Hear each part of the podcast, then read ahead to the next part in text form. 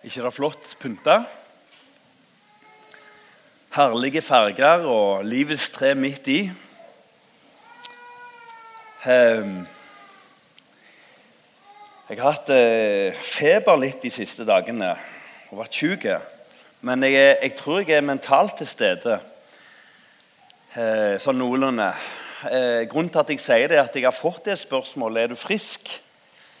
Jeg er observert på sykkel, skjønner dere. Um, opp og ned til bedehuset. Det er ganske langt. I hvert fall på vei hjem. Men um, Så jeg får mye rare blikk òg når jeg kommer hjem. Dels pga. hudfargen og dels pga. Eh, hva som skjer. Men uh, jeg har rett og slett lyst til å forberede meg på å smake på at vi har for lite parkeringsplasser.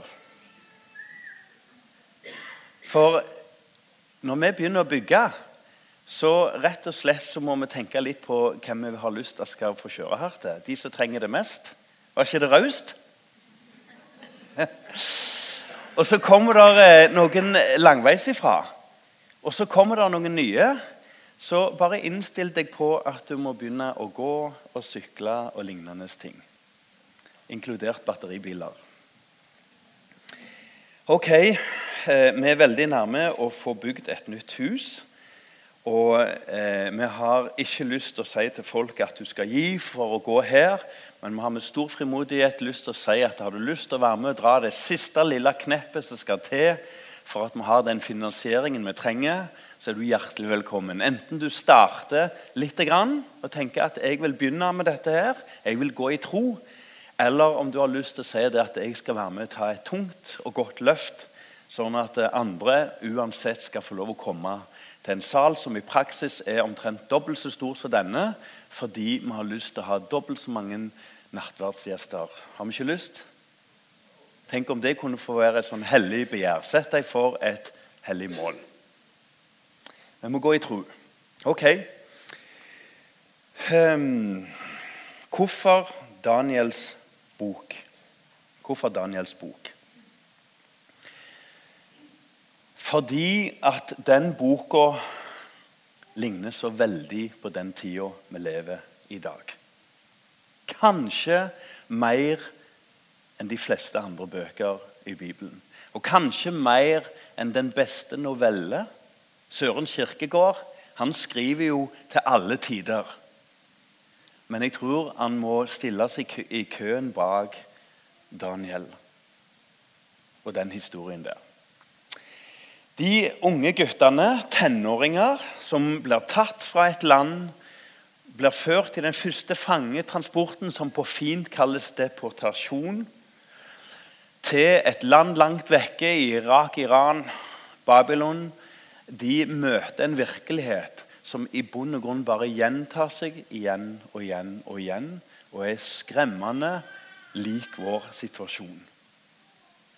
Og Hvis du kjenner deg motløs, oppgitt, tom og ulike av de tingene som en ikke ønsker skal prege hverdagen, så har jeg lyst til å anbefale å lese Daniels bok. For det er en bok som setter mot og retning på en dyp og langvarig måte. Daniels bok eh, gjennomgang av Daniels bok. Jeg skulle åpne Daniels bok, Knut Are. Det var ikke, det lite oppdrag. Men vi får prøve. Jeg kan bare si med en gang at eh, Daniel de eh, Jeg skal bare ta en liten gjennomgang først, sånn at du får litt bilde av det. Men gå hjem og les. Daniel lever i Jerusalem sammen med sine venner. Og en dag så blir de erobra av den tids mektigste og kanskje en av historiens mektigste keisere, herskere, konger noen gang. Og Så blir de ført fra dette landet langt vekk. Teksten sier det ikke, men det er ikke noe som tilsier at mor og far og hele sulamitten ble med. For de gikk veldig målretta på hvem de skal ha. Så hvis vi må trekke en konklusjon, så kan det se ut for at de, de ble revet ut som unge tenåringer. Og Så blir de ført inn, ikke bare inn i landet, ikke bare plassert i en eller annen skole, men de på, kommer inn i kongens hoff, og de kommer inn på kongens universitet. Og de går rett til topps. Tenk deg for en opplevelse for noen unge tenåringsgutter. Kapittel 1 handler om en mann som står fram og sier nei takk. Han forsaker. Forsakelse er ikke det du ikke kan gjøre. Men forsakelse er å takke nei til det du kunne gjort. Er dere med? Det er noe helt annet. Så Det som er spennende med Daniel, det er at han takker nei til en mulighet som legges rett foran ham. Og så får det uante konsekvenser. Det går på tilbedelse, det går på rent, og det går på ureint. Og Da er jo spørsmålet hva er ureint i vår tid? Nebukadnesars drøm noen ting er alltid ureint, men noen ting forandrer seg f.eks. maten, var jo innvidde. Og Da er spørsmålet hva er i dag innvidd som på en måte ikke er rett av en kristen å ta del i, og i hvert fall ikke tilbe. Kapittel 2. Nebukadneser, denne mektige mannen, har en underlig drøm. Og han er lei av løgn og fanteri. Han har verdens største hoff til å hjelpe han med drømmer og tydninger og syner, og ikke minst det å se framover.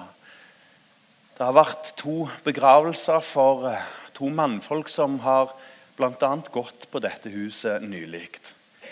Og det er veldig viktig å være i begravelser, for da kles alt nakent. Da er fjaset vekke. Løgnene trives veldig dårlig i en begravelse. Og det er et blikk bakover, og det er et blikk framover. Og Nebukadneser han var liksom litt i sin livs begravelse. Han var lei av tomhet og løgn. Så han ber om at de skal si drømmen først. Så kan det komme med tydningen. Kapittel 3 der reiser jo jammen meg Nebukadneser sin egen drøm. En skulle jo tro at når du har fått det forklart så tydelig, så går du ikke og gjør det. Men kjenner vi oss igjen? Vi vet det, men vi gjør det. Det er dette som er denne svømmekampen, som kan kjennes så evig uutholdelige. Han reiser sin egen gullstatue, som har fire deler og som et bilde på de fire verdensmaktene som står fram, med det siste riket, som er helt spesielt, og som gjør at meg og deg sitter her. Det skal vi komme tilbake til.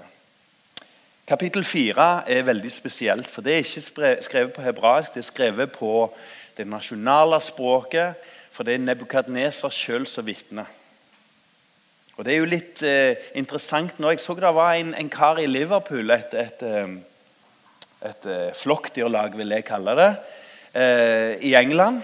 Som en, en kar, eh, en spiss der, da, som lot seg døpe nettopp. Og Da vil vi jo vise det til hele verden. Er det noen som har sett det? Han lot seg døpe nettopp. Og det er ingenting å måles opp mot viljen til å vise hva som skjedde med Nebukadneser.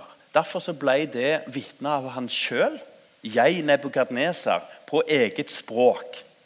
Vitnesbyrdets kraft er stor, for det er på lokalsamfunnets språk. Og mister vi det, så mister vi kraften i misjonen. Kapittel 5 det handler om eh, dom og død over Belsasar. Han som overtok etter Nebukadnesar, og som levde som om det ikke fantes en gud, som trodde at det var for de interesserte og som misbrukte kara. Og så kommer Skriften på veggen, mene, mene, tekel. Og så betyr det kort fortalt at du er veid, og du er funnet for lett. Og dommen er allerede gjennomført. til advarsel for oss som tenker at der framme skal jeg gjøre opp. I dag, sier Herren. I dag, sier Herren. Så kommer det en ny konge i kapittel 6. Og det er litt snåle greier, for han er ikke babylonsk, egentlig. Han er perser og har to navn. Eh, Dareios og mm, Konkyros. Konkyros frihetsbrev har dere gjerne hørt om. Men de velger å regjere videre gjennom Babylonia. For det var en så mektig by som verden aldri, og kanskje aldri etterpå Paris er en landsby i sammenligning. London er et hjørne i sammenligning. Så de valgte å, å, å, å regjere videre ved denne kong eh, Kyros, som han etter hvert eh, kalles, og som også ga dem et frihetsbrev. Og Daniel gjør akkurat det samme her. Igjen så skiller han mellom det som er ok, og det som han ikke kan gjøre. Han tilber ikke denne kongen i 30 dager.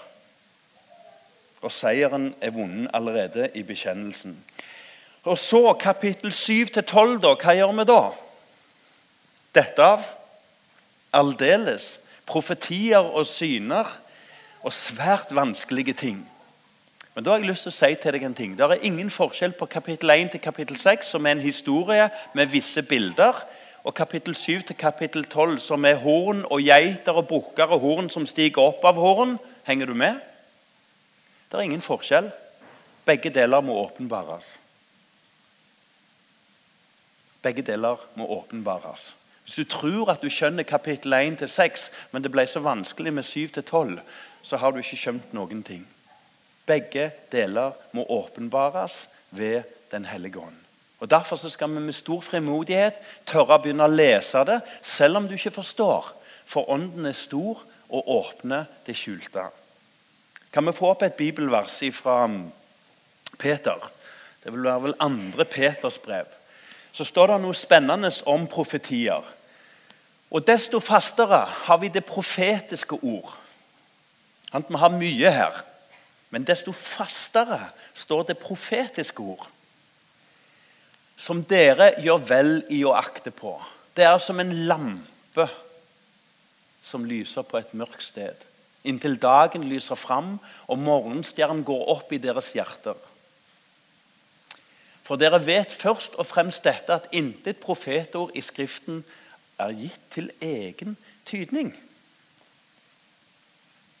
For aldri er noe profetord brakt fram ved menneskehjerters vilje, men de hellige Guds menn talte eh, drevet av Den hellige ånd. ikke det interessant å se at i en kultur som er så opptatt av hva som skjer Én ting er at den så bakover, det skal jeg si noe om snart.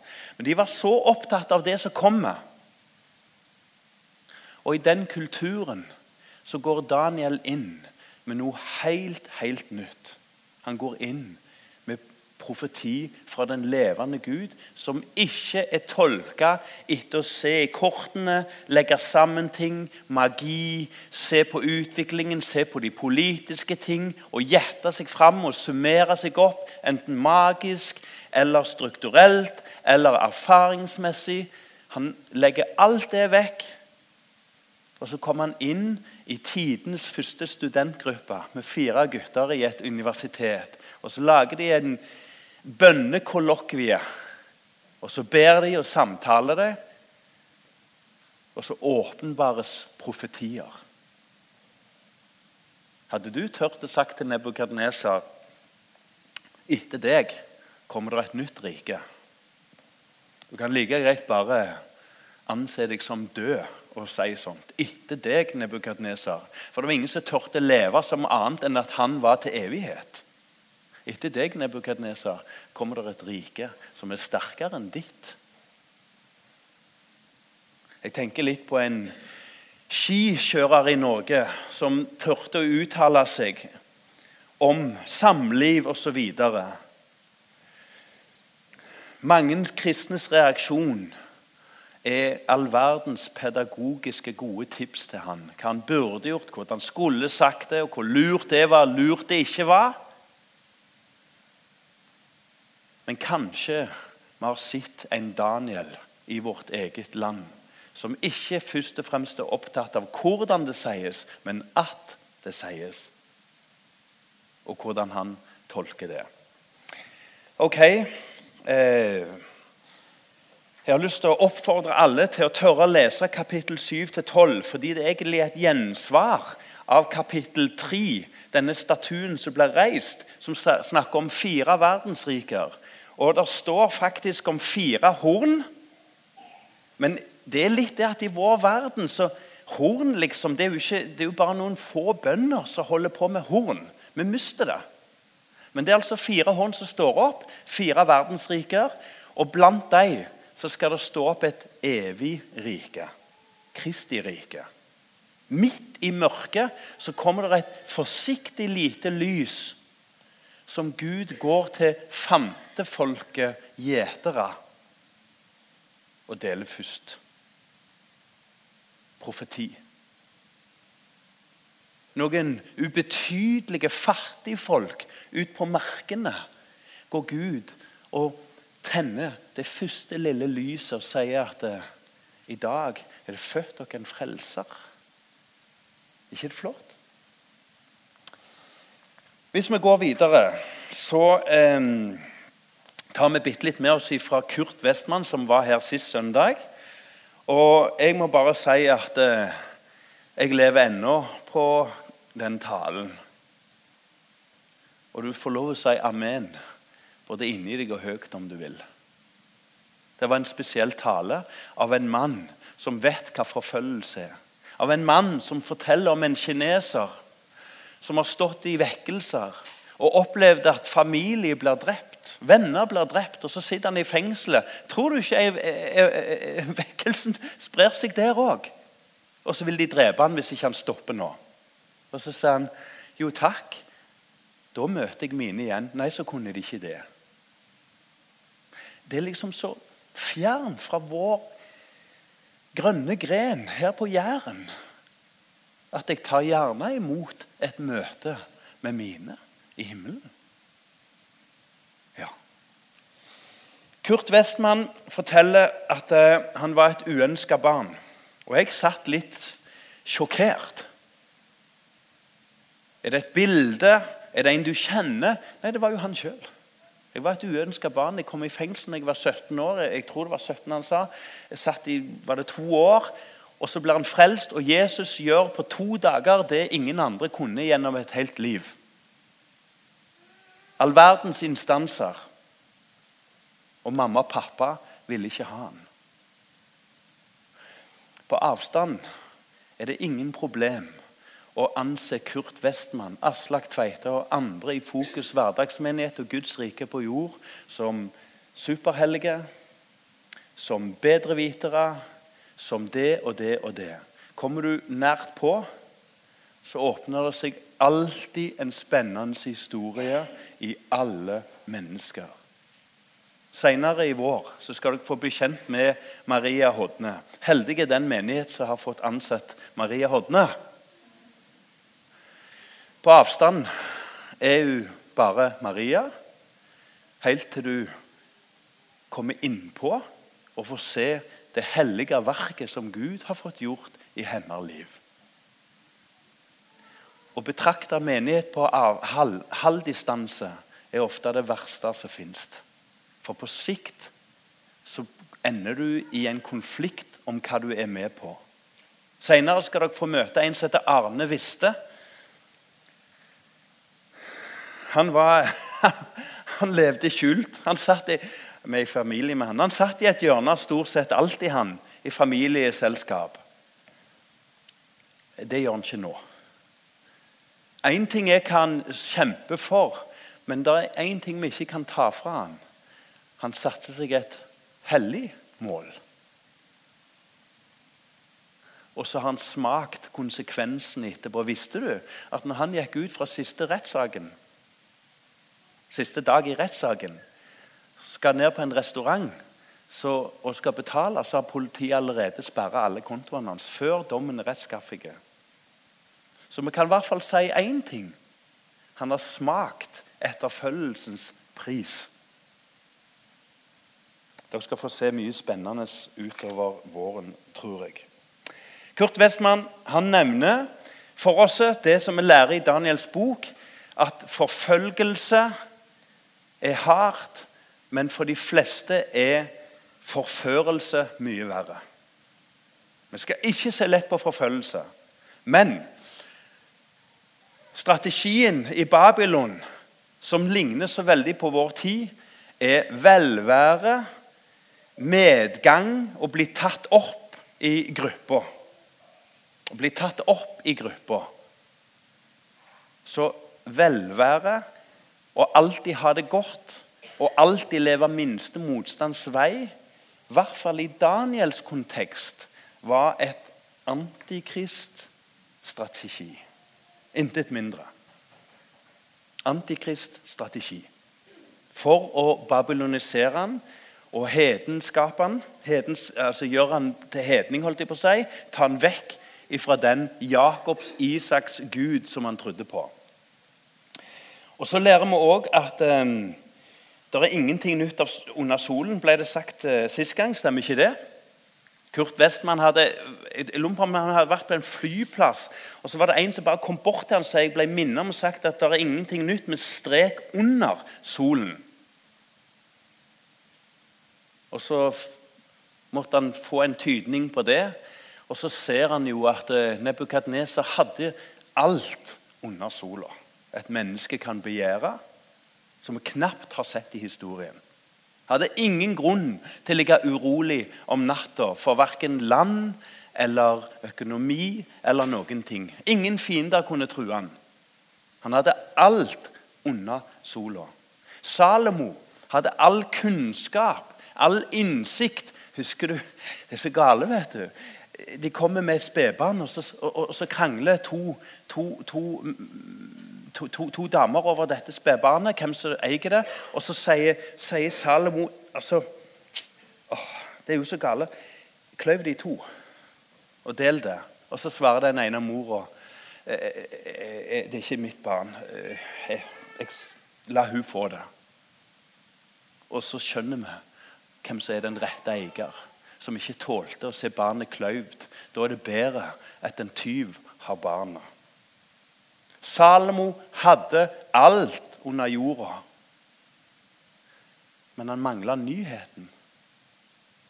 Han hadde mista blikket, og det hadde sunket lenger og lenger og lenger ned. Og Han håndterte bedre og bedre alt på jord, men blikket over sola var vekke. Det gjorde veldig inntrykk på meg, det Kurt Westman snakket om. Det er ingenting nytt. Det går bare igjen og igjen. Og igjen. Og så står vi i dag og sier vi er kommet lenger nå. Vi er slett ikke kommet lenger. På mange plan er vi det. Men i verdi så sier Daniels bok vi går egentlig bakover.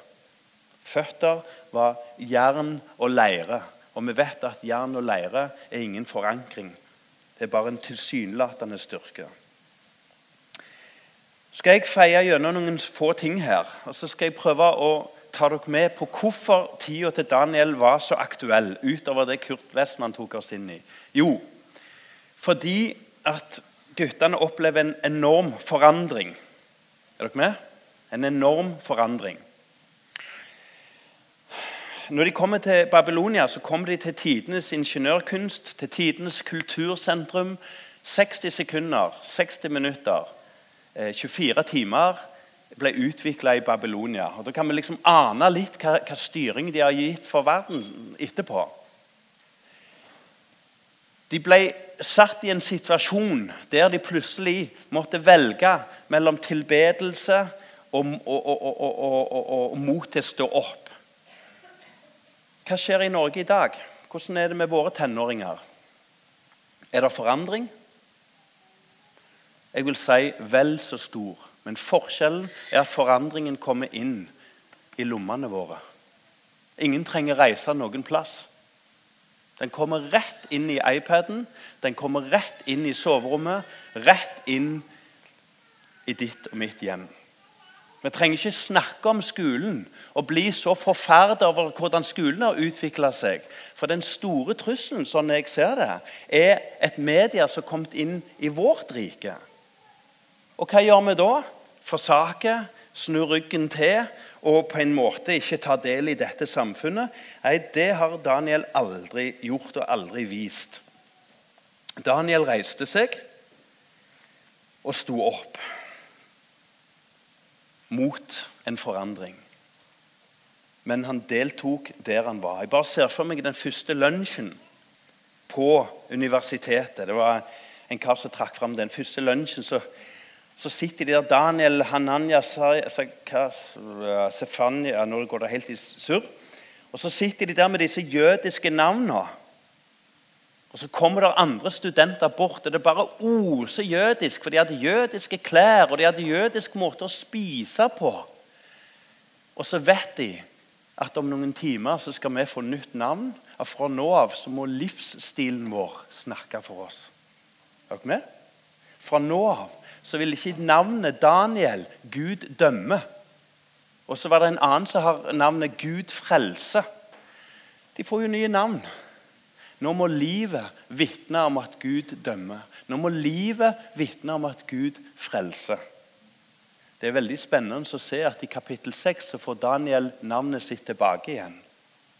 Identiteten blir velsigna og gitt tilbake av Gud sjøl. Gud er aktiv i historien. Kompromissets tid. Kompromissets tid levde de. Daniel var en liten gutt, han òg. Og så forskjellige ting han hadde god tilgang til hva som skjedde i de indre gemakker i Israel. Han var jo fra en respektert slekt, en høy slekt, en mektig slekt. Og så ser han at landet er i ferd med å gå på masse kompromisser. Der ofte de viktige headlinerne blir brukt mot det viktigste blir brukt mot det viktige. Har vi hørt det før? Ja, men Jesus er det viktigste, så da gjør jeg som jeg vil. Ja, men eh, det er det viktigste, så da plukker jeg det.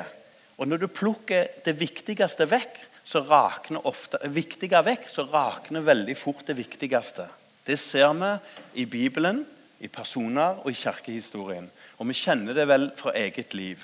Fordi det som skjer, er at eh, Daniel får beskjed gjennom profetene, han lytter til dem, at det er, et dobbeltliv.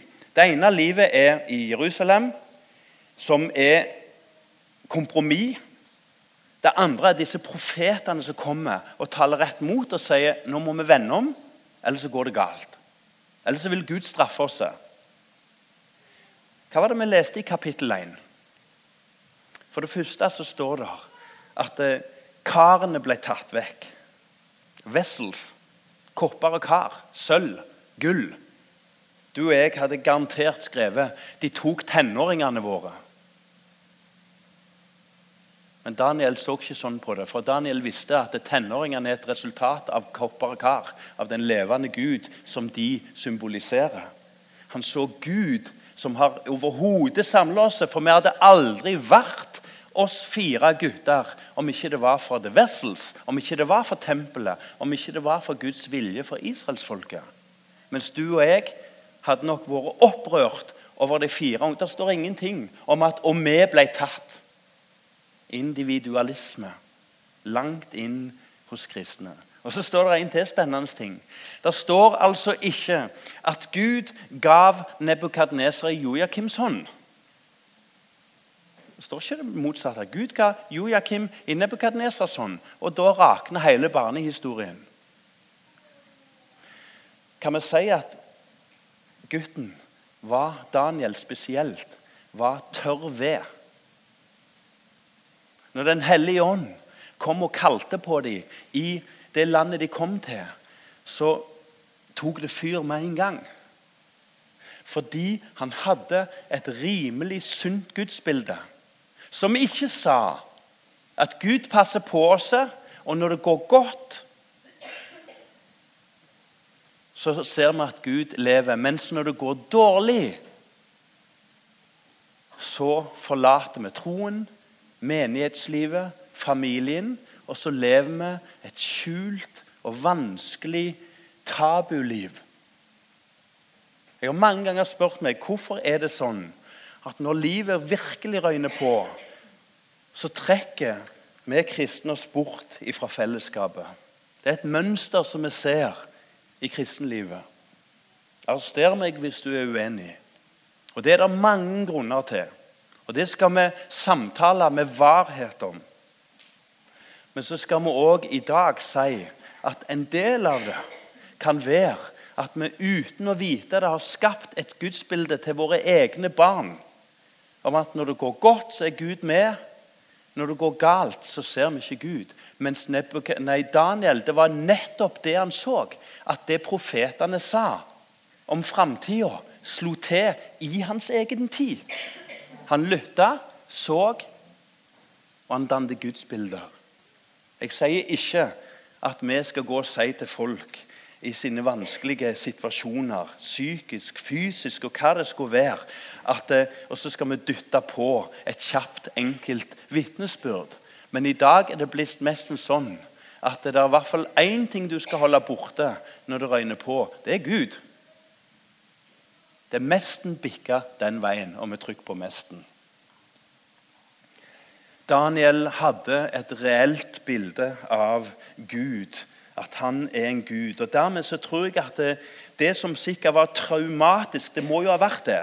Vi må ikke se bort fra det. Traumatisk for han og vennene hans og for familien. Å bare bli med, med makt reven fra dine egne barn. Så når støvet legger seg, så er jeg overbevist om at Daniel hadde dette bildet. Gud er med i min historie. Og Gud er med i verdenshistorien. Så når han møter Nebukadneser, så har han en større kunnskap og en større innsikt. Det var ikke grønnsakene i seg sjøl. Det står at han er jo galskap. vet du. Hvis vi får spise grønnsaker i ti dager, er det veganere og vegetarianere her, så, så ikke spre det. Men hvis vi får spise grønnsaker i ti dager, og så står det at de ble mange ganger klokere men det er litt for de korte blikket. Det lange blikket tror jeg er en Daniel som tar dette med seg inn i tida si og er klar til å se. Gud er en gud i alle tider. Motløshet. Daniel fikk beskjed om at eh, Det står ikke direkte, men jeg ah, syns å se det mellom linjene. Du kan være jødisk hjemme, men i offentligheten er du babylonsk. Det er det som er oppgaven din her. Vel vitende om at snart er han òg babylonsk hjemme. Kjenner vi oss igjen? Den store skrekken i landet vi bor i, som er liksom så åpent, er at det kommer et religiøst uttrykk i offentligheten. Men er vi kalt til å være kristen inni en boks? Hæ? De hadde jo foregård i tempelet. Boksen var helt innerst. Der skulle kun ypperstepresten inn. Men forgården og hedningenes forgård var jo et bilde på at jødene skulle ut. Og så har vi akseptert at vi skal gjemme oss og bli stille. Det var en eldre kar som sa Jeg har to punkter igjen nå.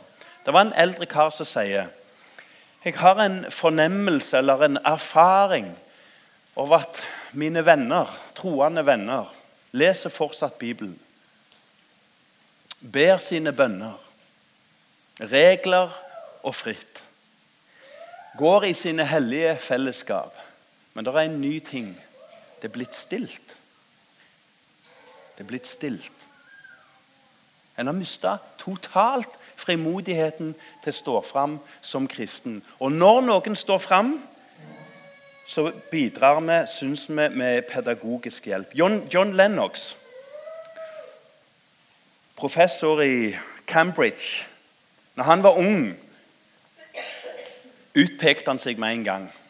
Og Så står han en dag eh, og ble invitert en dag til en sånn samling. og Der sitter han plutselig på sida av en, en fredsprisvinner. En kjente fredspris... Ja, det er bare kjente fredsprisvinnere. Og så begynner jo John dreven av ånden som han er, å vitne og fortelle om Gud til ham. Nå vil han samtale om Gud i dette samfunnet. Og så bare merker han nei, dette vil ikke jeg snakke om. Og utilpasshet. Og John føler seg litt sånn avstumpa og motløs og går til middag og spiser. Tror du ikke denne karen kommer bort til han og sier 'Møt meg på hotellrommet'? Uh, sant? Og så kommer han opp, direkte opp, og der står det to-tre professorer sammen med han. Og Så sier de til han, 'Sett deg på den stolen.' Så stiller de seg rundt han. Ser, du, ser du det for deg? Og Så spør de John Lennox. 'John, vil du ha en karriere i vitenskap og forskning?' Ja. Da må du umiddelbart i våre vitners nærvær slutte med det barnslige, fjasete eventyret. Karrieren din vil bli knust. Det er når det svake møter det sterke, at virkeligheten snus opp ned. Når bekjennelsen kommer, så blir det svake sterkt, og det sterke blir tomt. Vet du hva John Lennox svarer? Hva har dere å tilby meg som jeg ikke har fra før? Hva har dere å tilby meg som ikke jeg har fra før? Og Det var akkurat det Nebukadneser ante. At det er noen gutter her som ikke er på nivå med de andre, som er bare så vidt begynt i denne skolen. Men de har noe de andre ikke har. Og Da blir det svake sterkt, og det sterke blir svakt. Og det som kommer sist, kommer først, og motsatt. Vi har all grunn til å være frimodige.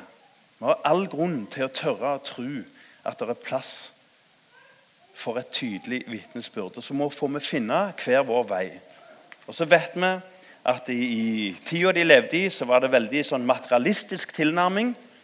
Um, og theogeny og sånt. Jeg, jeg, jeg har leita litt etter ord på norsk, men når de kom til dette landet, så kom de til en helt annen grunnforståelse. Altså Hele bånden for alt er revet bort for dem. For de hadde altså en theogeny-idé. Eh, Tenk deg ei skål med grøt eller velling. Sånn tenkte veldig mange, og sånn tenker veldig mange religioner om virkeligheten. Det er altså urbegynnelsen. Urgrøten. Høres det kjent ut? Har du hørt det før? Har du hørt det nå nylig? At egentlig alt bare er en urgrøt. Og så Etter hvert som det røres i den, så stiger ånder og åndelighet og andre verdier og flotte ting og moral og etikk ut av det. Du kan ikke komme lenger vekk enn ideen om at du skal ikke ha andre guder enn meg, og jeg er en gud ifra evighet av. Daniel hadde tilnærmelsen det er en skapergud som vil det. Om han brukte grøt for å forme jorda, det er jo et spørsmål som kommer lenger ned. Men han var før. Kort fortalt så møtte Daniel en materialistisk virkelighet. Skjønner dere? Det betyr at det som framstår som viktig og åndelig, sjøl det er i sin bånd materiell. Det er en som sa det sånn at hvis du vil forandre livet ditt, så må du forandre det du tilber. Og Jeg tror at antikristånd har lykkes veldig godt i Europa og i den vestlige verden med at de troende når alt kommer til alt, har begynt å tilbe akkurat de gaver som Nebukadneser stilte fram. Og så ser vi kraften som skjer i det øyeblikk at vi ved Den hellige ånd lar oss kalle til å forsake og søke Guds rike. Og så får det gå som det går. Vi vil ikke tilbe deg, enten det går godt eller ei, sier de. Bekjennelse gir beskyttelse. Ikke her på jorden nødvendigvis, men de blir satt i frihet i det øyeblikk de sier det fins en levende Gud rett opp i ansiktet på ham. Og Tenk nå bare på at eh, når de tok disse herrene eh, vessels, kar og, og Dere skjønner sikkert jeg har lest litt engelsk her. Jeg er ikke så flink i engelsk, men ikke det kopper og kar vessels betyr. I vår verden bare noe Ikea-greier i deres verden et bilde på den absolutte Gud. Daniel trodde ikke på noe, men han trodde på selve Gud som var mer virkelig enn han sjøl. Så tar de disse greiene og så legger de dem ned i skattkammeret. Og så relativiserer kongen alt. Og sier at det har en verdi, så jeg smelter det ikke om til gullmynter. Men jeg tilber det hvis det passer. Kanskje jeg stikker innom. Du og jeg er kalt til å tenke og bruke hjernen og stole på Gud. Vi er ikke kalt til å ha en relativ tilnærming der vi stoler på tanken og i nøden bruker Gud. Det er egentlig langt på vei det som skjer i den åndelige utviklingen i Norge. Ikke bare i Den norske kirke, men langt, langt inn i det personlige trosliv. Der vi beveger oss bort fra Daniels virkelighet, og istedenfor Han trodde Han brukte tanken, argumenterte og levde tydelig der han bodde, gjemte seg ikke vekk. Og bånden var en tillit til Gud. Mens du og jeg, hvis vi følger strømmen nå, slipper svømmetakene, så begynner vi å gjøre en kvasiløsning der vi stoler på argumentene våre, pedagogikken vår. Vet du hva? I vekkelsene som gikk over Jæren her, skulle vi aller helst spurt de som var der. Men jeg har fått med meg én ting. Det var høyst ordinære predikanter som sto i vekkelsene. Høyst ordinære mennesker. I dag tror vi på den rette. Vi har blitt relativister. Vi tror på form og farge. Vi har slutta å tro at bekjennelsen, om den er aldri så hjelpeløs Der ligger kraften. For den har tillit til at Gud styrer alle ting.